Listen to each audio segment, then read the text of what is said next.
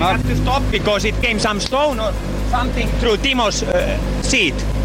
Up in the ass of, Timo.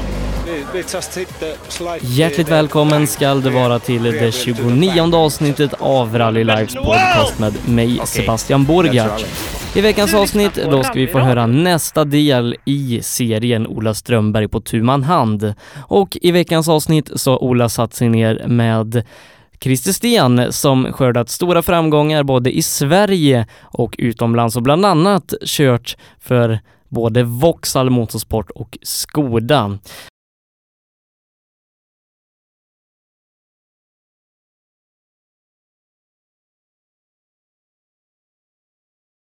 Men vi ska börja i Linköping och i Sweden Rally, den näst sista deltävlingen i årets rally-SM som går av stapeln nästa helg med utgångspunkt ifrån Saab Arena i Linköping. Vi har ringt upp tävlingsledare Stefan Taleman som ska berätta hur allting står till så här en vecka innan tävling. Ja, då säger jag hjärtligt välkommen till Stefan Taleman som är eh, tävlingsledare för den stundande SM-tävlingen i Sweden Rally. Och Stefan, så här en vecka innan tävling, eh, hur är det med nerverna? Det är faktiskt väldigt lugnt och skönt. Det känns som vi har eh, det mesta, ja, koll på det mesta kan man säga. Det, det, vi börjar få rutin nu eftersom det är sjätte året som, som ESR är idag, så det, det faktiskt riktigt behagligt så här veckan före. Men om vi ska börja i den här ändan då, eh, vad är det för väder som väntar i år? För eh, jag tror många med mig eh, inte vill ha en repris på fjolårets väder. Ja, det är ingen av oss som vill ha. Ingen vill ha fjolårets väder. Fredagen kan vi få tillbaka det. Den var underbar i fjol och tittar jag faktiskt, jag har faktiskt inne så sent som idag och tittat på vädret på, på SMH är klart fredagen det, det är 20 grader och sol fredag, lördag nästa helg. Riktigt härligt. Eh, men berätta gärna lite om upplägget på årets tävling. Eh, jag antar att vi som vanligt då börjar vid Saab Arena och lite asfalt där i parken. Så är det. Vi börjar, i år börjar vi faktiskt först med ceremoniell start på Stortorget i Linköping klockan 17 och sen rullar vi ner mot eh, parken som vi har döpt om sträckan till där nere, parken 1 som vi startade 17.30. Och sen eh, byter de lite däck och sen ut och åker två mil ungefär på två sträckor. Två och en halv mil är det väl på två sträckor på fredagskvällen. Eh, och hur ser lördagen ut? Lördagen ser ut så att eh, då går vi först ut och åker två sträckor. Och sen har vi en kort 20 minuter service uppe i Finspång för lite däckbyte och, och eh, lite tankning. Och sen åker vi faktiskt den längsta sträckan i SM i år, trots att det är sommar på SS6, är 3,5 mil faktiskt. Ja, eh, riktigt spännande där då. Eh, men eh, hur ser, hur ser rallyt ut i år jämfört med tidigare år? Eh, är det mycket samma eller har ni tagit till nya sträckor och vägnät? Det är väldigt mycket nytt faktiskt. En liten bit på den här långa eh, sexan där som åkt förut, men tre mil det har nog inte gått. Eh, det är nog så långt som tillbaka till 60-talet där faktiskt. Så det, det, det, är ganska mycket nytt. Att säga att hälften är nytt mot i fjol. Och, ja, det är nog lite mer än hälften till och med. Så då är det bara Mats Jonsson som åkt på de här gamla sträckorna? Ja, det är det. Det är bara han som kan ha åkt där. Eh, ja, skämt åsido. Eh, förra året så läste vi ju i lokalpressen att eh, det hade varit problem med lite tjuvträning och fortåkning på vägarna inför tävlingen. Eh, hur har läget varit på den fronten i år? Det har tyvärr varit lika illa i år. Det, det, vi, vi fick påringningar från markägarna eh, ganska tidigt och vi agerade ganska tidigt. Så vi, vi har suttit mycket kvällar och nätter ute i skogen och vaktat faktiskt. Men, men efter det var känt för oss och efter vi publicerade problemet så har det varit relativt lugnt faktiskt. Men hur jobbar man som arrangör för att motverka sånt här? Det är ju jättesvårt. Vi, vi försöker ju hålla en dialog med, med Länsstyrelsen men det är ju svårt för det är offentlig handling. Eh, så, fort, så fort vi skickar in eh, tillståndsansökan så blir det offentligt. Så vem som helst har rätt att hämta ut det. Eh, där ser vi väl ett gemensamt önskemål från alla klubbar att jobba jobba fram något förslag med Länsstyrelsen eller vad nu kan göra, att vi kan, kan ändra de här bestämmelserna så att det inte blir offentligt så tidigt. Nej, eh, vi får hoppas att eh, det här är ett problem som vi inte ska drabbas av i framtiden då. Eh, men vi ser fram emot tävlingen och här och som du berättade, ni har tagit rallyt in närmare staden i år. Ja, så är det. Så, så dels då så försöker vi få till ett, kommer upp på Stora torget, har stängt av faktiskt eh, Stora torget och eh, all trafik där runt omkring eftermiddag. Eh, från sen lunch till sen eftermiddag. Det är helt stängt så lokaltrafiken åker andra vägar på grund av oss till och med. Så, så det ska bara vara fokus på, på rally på torget på, på eftermiddagen och, och startceremonin då. Och sen ger vi oss ner till, till eh, stadssträckan sen då, Parken 1 och åker den på kvällen. Och, det såg vi i fjol att den har blivit succé. Den har blivit känd att vi åker det här. Och i fjol gjorde polisen bedömningen där de räknade att vi hade mellan 8 och 10 000 på parken i fjol. Så det, det hoppas vi på, på samma, samma uppslutning i år då. För det, det är ju ett riktigt bra sätt att visa upp vad det är vi håller på med faktiskt. Men hur har bemötandet varit från ja, de boende, näringslivet och kommunen när ni tar sporten så här mitt in i centrum? Ja, det är jättepositivt. Alltså kommunen är jättepå när det gäller det här och Visit Linköping som vi har haft de stora kontakterna med som det gäller runt Saab Arena och allt är också med på det här och det är de som har hjälpt oss mycket med, med tillståndet uppe runt Stora torget och allt här i centrum. Så där känner vi att vi har 100 procent uppbackning från kommun och näringslivet och det som, som berörs utav oss där då. Eh, men om vi ska se till det sportsliga som ska äga rum eh, i och omkring Linköping nästa helg. Eh, PG Andersson som är lite fixstjärna i rally-SM väljer att stå över den här deltävlingen. Hur ser ni på arrangörer som det? Ja, vi tycker förstås att det är jättetråkigt för det, det är ju det är ju stort affischnamn vi har utåt sett så det, det Eh, det är jättesynd att han, han har gjort det här valet men det, det får vi respektera att, att, så är det då. Men, men det är klart vi tycker det är tråkigt.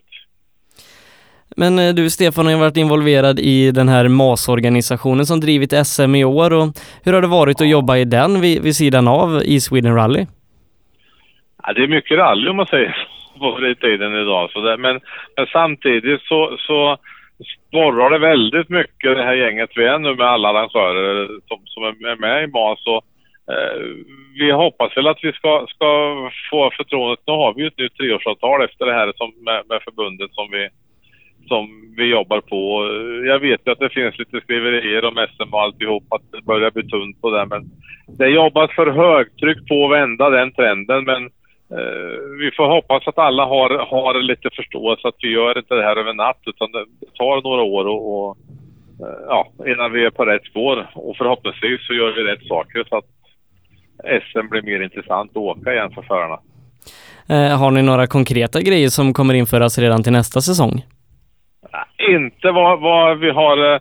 Eh, vi sitter i diskussioner nu med, med, med rallyskottet då, som är våran eh, kontakt in på förbundet och vi ska ha ett möte i Linköping med rallyutskottet och de har tittat på saker som de vill prata om men, men inte, inte något revisionerande kan jag säga till 17. Det kommer vi inte hinna att införa. Det kommer säkert att bli några smärre justeringar i reglementet men, men eh, eh, inte något, något, några större som de kommer märka till 17 tyvärr, men förhoppningsvis är målsättningen att vi ska hitta eh, lite sätt eh, och få, få SM mer attraktivt till, till 18 då. Det är väl där målet ligger just nu och eh, göra de förändringar som kommer att märkas. Och förhoppningsvis så är det till det positiva hos förarna.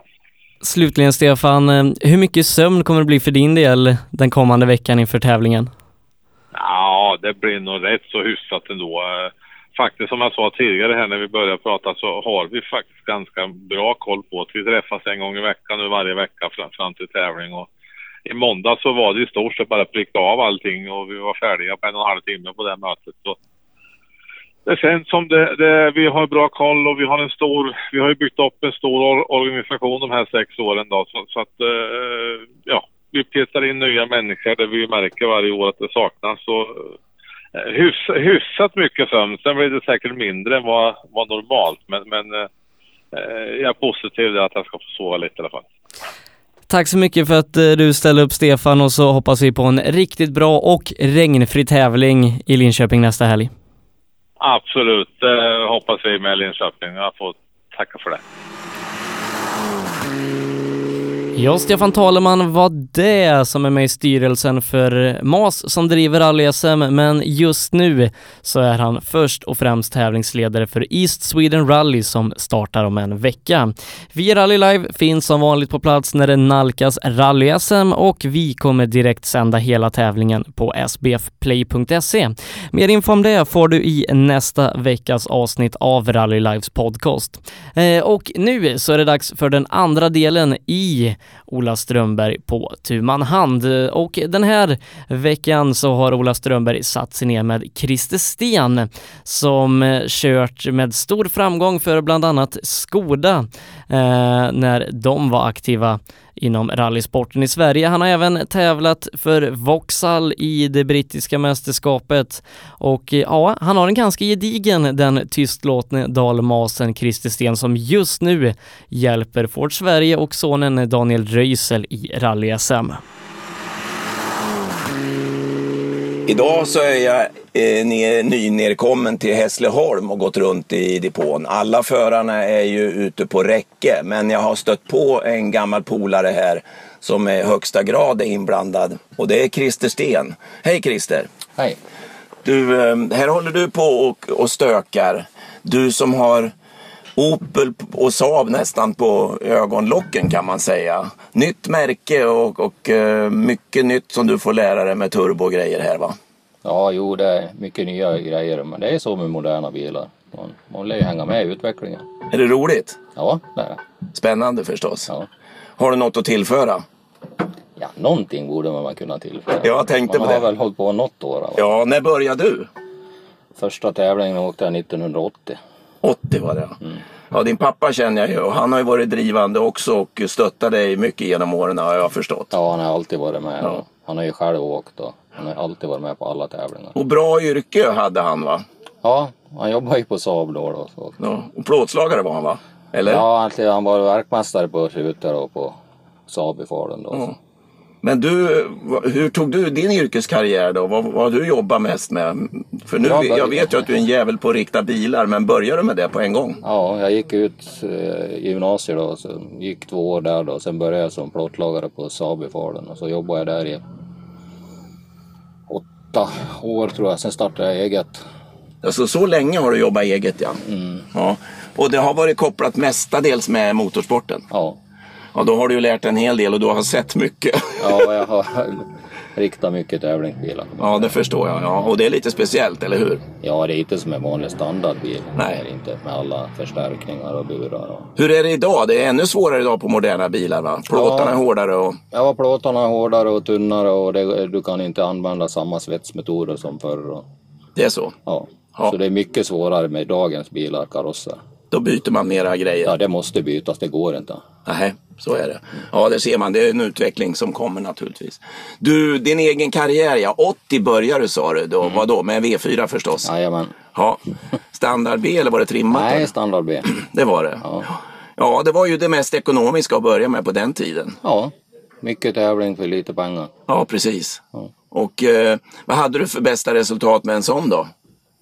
Ja, det var nog Bergslagsrally 84 när vi var när det var SM då. Vi var trea i SM då och eh, i stora SM då och eh, jag tror vi var 12 eller 13 totalt.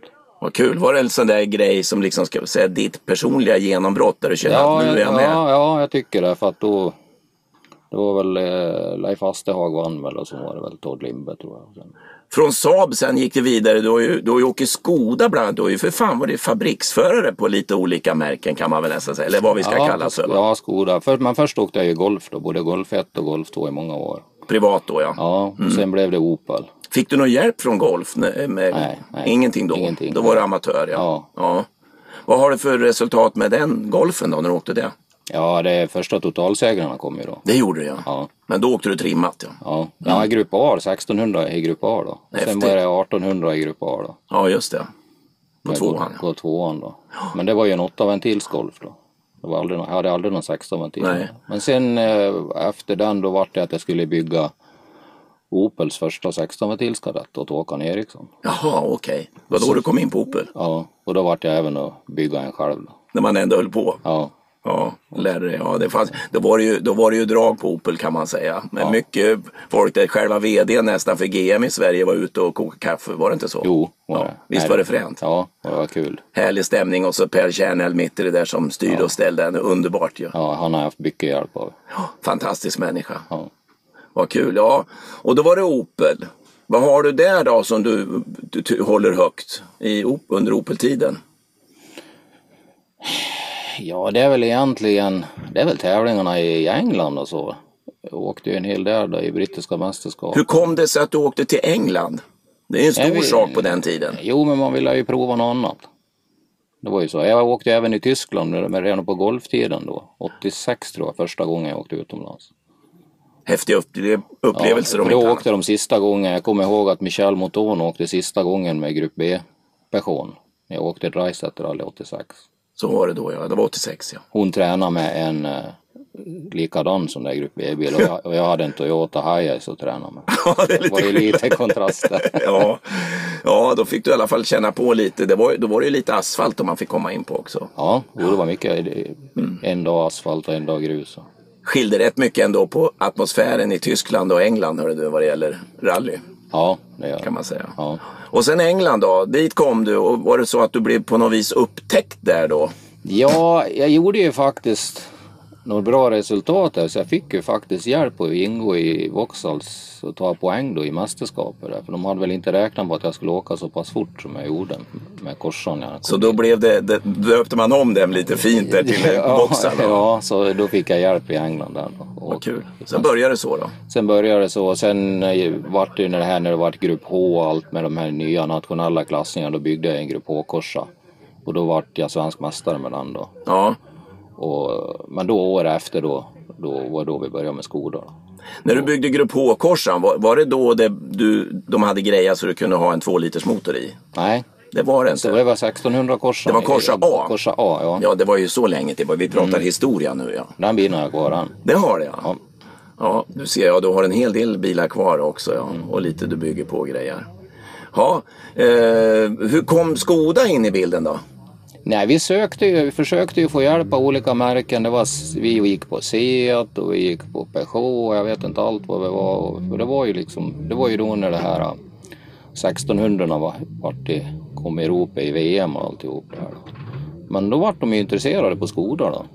Och på den vägen vart det då så att, Du åkte ju flera år där ja. ja. Ja. då. Och det blev i Sverige med men Ja. det, det, var, det var inte Skoda Sverige då som var så mycket Jo, bakom det? jo, de första två åren var i Skoda Sverige. Det var det? Ja, det var de som... Men sen eh, hoppade vdn av där och fick väl nytt jobb och sen...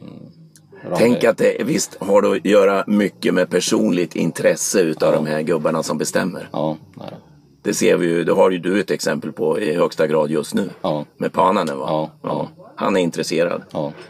Men få med sig folk i alla fall. Ju, man måste ju få med sig alla då på ett, på ett stort företag. ja. Ja, vad roligt. Nej, då drog vi till England med den och åkte där och det gick ju bra där och då fick jag tillfälle att köra en sån här Vauxhall Corsa Kitcar i England, ett engelskt team då. Och sen, ja, sen vart det väl, ja, byggde jag ju en egen sån också. Ja, är det den du har kvar den? Ja, Så den har du byggt själv? ja, ja inte hela bilen, men där man får då. Och sen Men då när du fick sätta dig i en sån där från början, då måste det ha varit jäkligt ja, det var, fränt. Ja, alltså. det var skitfränt. Dels med sekventiell växellåda och alltihop. där. Det kom ju då ja. Ja. Ja. Jag var ju även över och testade för Ford i England då med Ford Puman då. Men jag kommer ihåg då att jag gav väl en kommentar, han var väl inte så populär, och att han frågade om jag någon gång hade kört en bil med en sekventiell växellåda. Jo, men aldrig någon som går så här tungt att växla, så han. Vart väl inte så glad. Det, det, fick, han väl, fick han väl ta. Ja, just det. Ja, men då, jag, jag menar, du är ju en doldis för du är ju inte den som har stått på barrikaderna. Men du har ju ändå åkt en himla massa sådär internationellt där du har fått hjälp och, och kunna gjort. För jag menar, en pojke som eh, är plåtslagare hemma i Sverige, det är ju inte så lätt att få ihop och åka så mycket annars. Nej, jag har ju alltid finansierat mina tävlande med egna pengar. Jag har alltid, jag har ju jobbat dygnet runt för att kunna tävla. Det har ju varit så. Du, ja, din starka sida är inte att jaga sponsorer. Nej, det har jag aldrig hållit på med. Nej. Men du har fått lite sponsorer ändå? Ja. Genom goda vänner ibland Ja, hjälper och så? ja, ja. Så det är väl den saken. Ja, nej, det där är en svår grej hörru du, att kunna få sakerna att gå ihop. Och egentligen behöver man ju vara talförd. Det är lika med grabben din, han är inte värst mycket för att skrika heller. Nej, men han jagar mycket sponsorer. Han jobbar ja. Det jobbar han stenhårt med. ja. Hur kom det sig att han började? Det var ganska naturligt kan jag tänka mig. Nej, ja, egentligen inte. Ja, då, han har ju en äldre bror också som... eh, De börjar ju båda två de med radiostyrd miniracing. Och eh, ja, jag sa så, ni får väl göra vad syssla med vad ni vill. Men ska ni hålla på med det här så kommer det att ta mycket tid. Och då höll de ju på då, och jag sa så åt Daniel också då att lär du det här med hjulinställningar och allt sånt där, för det var är precis samma på en sån här radiostyrd bil med stötdämpare och allt. Det är enormt med inställningar. Då kan du överföra det på en, en riktig bil sen. Och det gjorde han och han lärde sig allt sånt där. Och, och Jimmy då, storebror då, men han, han hoppade av. Nej, han, han var förståndig. han var förståndig så han gav upp det Ja. efter det där. Men Daniel han kom på, nej han skulle tävla så att det vart väl, det var väl redan när han var 13 år fick han väl första bil som han började träna med hemma. Backa, Backabro Raceway har vi Ja, hört så där har talas vi om. haft plog, plogat på 2,2 kilometer då. Så när han kom hem från skolan då såg man inte röken av honom. Då, Då var han ute och nötte på Gärdet. Ja, så nu är han skyldig med en bensinmack har jag sagt. Ja, det tror jag säkert. Ja. ja, men det är ju sådana förutsättningar som, som behövs ibland om man ska orka över tröskeln kanske. Mm. Så är det väl. Men ditt eget då? Du, du har ju allt tagit ut bilen ibland och åker, men det blir, så du hinner inte nu alltså åka någonting själv? För är det inte roligt längre eller? Jo, det är roligt. Jag åkte ju faktiskt en tävling här nu i somras. Mm. Jag hade ju Daniel med det VM. Ja, skrämde skit under honom då? Ja, ja. nej men nej det är roligt. Nej, det är, tiden har jag inte räckt till och sen har jag inte varit bra själv heller. Så Du har problem med en fot va? ja, jag ska in igen nu på en operation så det är inte så jävla muntert. Det är backjobb flera gånger om det Ja, här. femte gången nu. De har ju stelopererat en fotled som inte blir bra. Nu ska de skruva i ännu mer skruv i. Jaha. Och du har verk och sådär? Ja, ständigt. Ja. Blir man grinig av sånt? Ja, men om jag inte får sova på natten. Just det. ja. Det går bra när du har något annat att tänka på. Ja, Så är det ju. Så när Daniel åker ut i skogen här då försvinner verken lite. ja det gör det. Ja, jag förstår det. Ja, nej, men det är mycket att stå i och här står bilen nu fin och, och, och men det är du, ni sköter det. Det är ju inte så att ni kommer till dukat bord utan det är ni själva som sköter bilen och allting runt omkring. Vi sköter allting själv ifrån och som allt ifrån, vi har ju fått liksom en, en budget vi får använda oss utav då. Ja, Och det vi ska göra då. och sen ska det ställas upp på mycket jippon och grejer ja, det är naturligtvis. inte bara det här Nej. tävlande utan det är mycket annat. Ja. Ja, då har du i alla fall att göra. Ja, ja. Hur är det hemma på verkstaden då? Mycket där med? Nej, du jag gör ingenting mer än håller på med det här. Det är så nu ja. Ja, Ja, ja jag förstår. Det är väl om när det är panik, när Jonsén kommer, då får man ställa upp. va? ja då brukar det bli. Ja, lite Porsche-riktningar. Ja. Ja, han har klarat sig rätt så bra nu ändå. Ja, Ja, man kanske har lärt sig. ja precis. Ja, vad roligt att prata en stund med dig Christer. Här. Du måste bara berätta för mig, vad är det, vad är det jäkligaste, tråkigaste, mest besvik, största besvikelsen du har gått på tycker du i, i din karriär, i din egen karriär vad det gäller bilåkningen? Det var nog faktiskt i England när vi åkte där. När jag låg sexa totalt och var före eh, Jean Ragnotti och de här Renaults fabriksförare. Ja, När pinnbultarna gick av på sista sträckan. på sista. Ja, det är bit, då är det bittert. Ja, det är nog största besvikelsen. Ja, Nej. visst har det varit roligt att komma i mål framför sådana världsstjärnor. Ja, ja, det var det. Och det var ju bara de sådana som var före år då. Ja, ja. Ja, det förstår jag. Och, men då ska vi vända på det och sluta med något positivt. Då. Vad, vad, är det, vad är det som du är riktigt stolt och gladast över att ha fått gjort?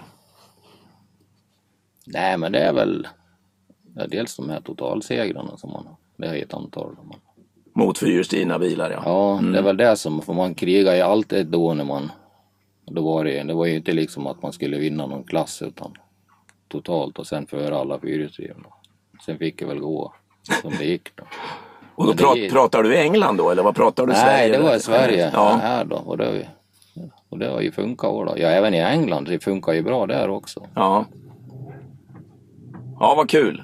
Då fick vi lite mera om den här tystlåtne mannen Christer Sten. Det var trevligt att prata med. Så önskar jag hela teamet lycka till nu här nere i Hässleholm och hoppas det går bra. Mm, tack ska du ha.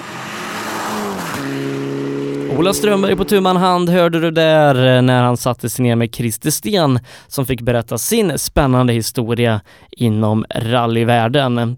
Och eh, nästa vecka så tar Ola Strömberg på tumman hand en liten paus för nästa vecka då ska vi förbereda oss inför rally-SM i Linköping. Hela avsnittet som kommer ut på torsdag det blir en uppsnackspecial inför i Sweden Rally och den näst sista deltävlingen i årets rally-SM och Kanske att vi redan nu kan få dela ut ett gäng medaljer förutom den guldmedaljen som vi hängt runt PG Anderssons nacke. Det hör du som sagt i podcasten nästa vecka. Tills dess, ha det bra. We have to stop because it came some stone or something through Timo's uh, seat. Up in the ass of, Timo. We, we just hit the slide the, the bank, rear, rear wheel to the bank and just poof. You're the best in the world! Okay, that's rally. Du lyssnar på Rallyradion